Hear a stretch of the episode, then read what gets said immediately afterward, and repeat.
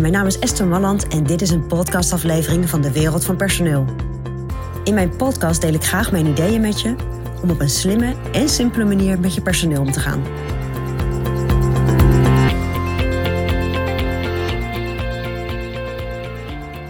Ja, ik krijg wel eens de vraag: hoe moet ik nu een dossier opbouwen rond een medewerker? En dan gaat het niet zozeer om medewerkers die niet goed functioneren, maar sowieso alle medewerkers. Hoe bouw je nou een dossier op? En een van de belangrijkste dingen is dat er bepaalde stukken in een personeelsdossier zitten die gewoon belangrijk zijn. En een daarvan is bijvoorbeeld het legitimatiebewijs van je medewerker. Dat je dat hebt gecheckt en dat dat ook erop staat. Hè, dat je het even hebt gezien. En op welke datum je dat hebt gezien. Nou, dat is bijvoorbeeld een heel belangrijk ding. Maar ook alle loonscomponenten, alle loonzaken die je met je medewerker afspreekt. Het is belangrijk dat je die ofwel digitaal of op papier bewaart. Dat is gewoon een voorschrift. Maar er zijn heel veel andere dingen die je natuurlijk ook in een personeelsdossier kan bewaren. En op het moment dat je zegt, ja, ik, ik wil niet het personeelsdossier aan zich opbouwen, maar ik wil toch wel een beetje een dossier opbouwen om iemand een beetje te sturen in zijn gedrag. Nou, wat moet je dan doen? En daar wil ik je even in meenemen. Want op het moment dat jij met een medewerker afspraken gaat maken, en zoals je wellicht weet, ben ik daar echt een voorstander van dat je dat vanaf het allereerste moment doet. Vanaf het moment dat de medewerker bij jou begint. In die proeftijd al, maar ook daarna. Uh, dat je eigenlijk vanaf, vanaf aanname al dossieropbouw doet.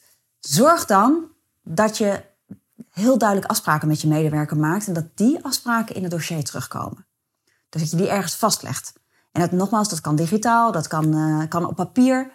Maar dat je in ieder geval vastlegt welke verwachting hebben we van elkaar? Heb ik van jou, maar heeft de medewerker ook van mij? Hè? Wat moet ik regelen zodat die medewerker aan die verwachtingen kan voldoen?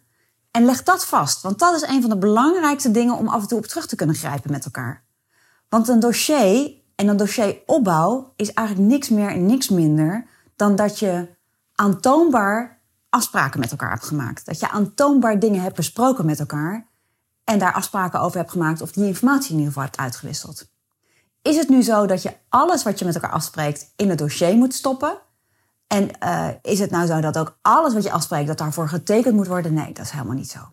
Kijk, tekenen, dat is vooral belangrijk op het moment dat, dat, het, dat, het, dat het echt serieuzer wordt, zeg maar. Dan is het belangrijk dat mensen tekenen voor, voor afspraken die je maakt. Maar ik kan me ook voorstellen, sowieso heb je natuurlijk uh, regelmatig, wellicht jaarlijks, heb je uh, gesprekken over, over de toekomst. Dat leg je even vast, dat teken je ook allebei. Dus de belangrijke afspraken die je met elkaar, die teken je even. En tekenen is dan vooral dat je het allebei goed gelezen hebt, dat je er al bij achter staat en dat jullie dit met elkaar afspreken. Maar alle andere dingen die je gaandeweg het jaar, de jaren met elkaar bespreekt, die hoeven niet allemaal in het personeelsdossier. Maar het is daarnaast wel handig dat jij dit soort dingen wel ergens vastlegt. Dus dat jij ergens een mapje hebt met mailtjes die jullie naar elkaar sturen over bepaalde zaken. Uh, dat je af en toe als bijvoorbeeld iemand, iemand uh, nou, gewoon niet zo lekker in zijn vel zit, dat je daar af en toe aantekeningen van maakt. Dat hoeft niet per se in het personeelsdossier. Het is ook niet zo dat je verplicht bent dat alles wat jij noteert over medewerker in het dossier moet of zo. Omdat de medewerker wel eens een keer inzage kan vragen. Er zijn een aantal belangrijke dingen die in het dossier horen. Kijk, alles wat met loon, uh, wat loon betreft, maar ook bijvoorbeeld het identiteitsbewijs van je medewerker. Dat moet echt in het dossier zitten. Daarnaast heb je natuurlijk op het moment dat je, dat je serieus functioneringsafspraken gaat maken. Dat komt ook in het, in het dossier te zitten. Maar al die andere dingen die ook belangrijk zijn om gewoon vast te leggen... of om een kattenbel van te maken... of om chronologisch op volgorde te zetten... dat hoeft niet per se in je personeelsdossier. Maar het is wel goed om dat soort dingen bij te houden. Dus hoe bouw je nou een goed dossier op met elkaar? Nou, met elkaar door die dingen te doen die ik net benoemde... waar je ook voor tekent. Maar je kunt ook voor jezelf nog een beetje een dossier opbouwen om gewoon goed bij te houden. Wat hebben we, wat hebben we nou besproken? Hoe gaat het met iemand? Nou, allerlei dingen waarvan jij zegt, nou, vind ik toch gewoon belangrijk dat ik dat nog een beetje kan terughalen. En dat ik dat niet, uh, dat ik dat niet vergeet. Nou, ik hoop dat je hier een beetje duidelijkheid mee hebt gekregen. Op het moment dat je zegt, nou, ik ben wel benieuwd wat je nou echt moet, vast moet leggen in een personeelsdossier. Stuur ons dan even een, uh, een mailberichtje. Dan krijg je van ons een tool uit onze online omgeving. En daar staat precies in wat je allemaal precies moet vastleggen. Dus dat kan je doen.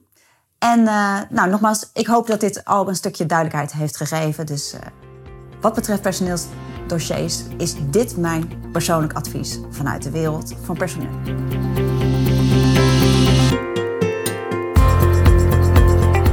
Wil je ontwikkelingen in de wereld van personeel blijven volgen? Abonneer je dan op ons podcastkanaal.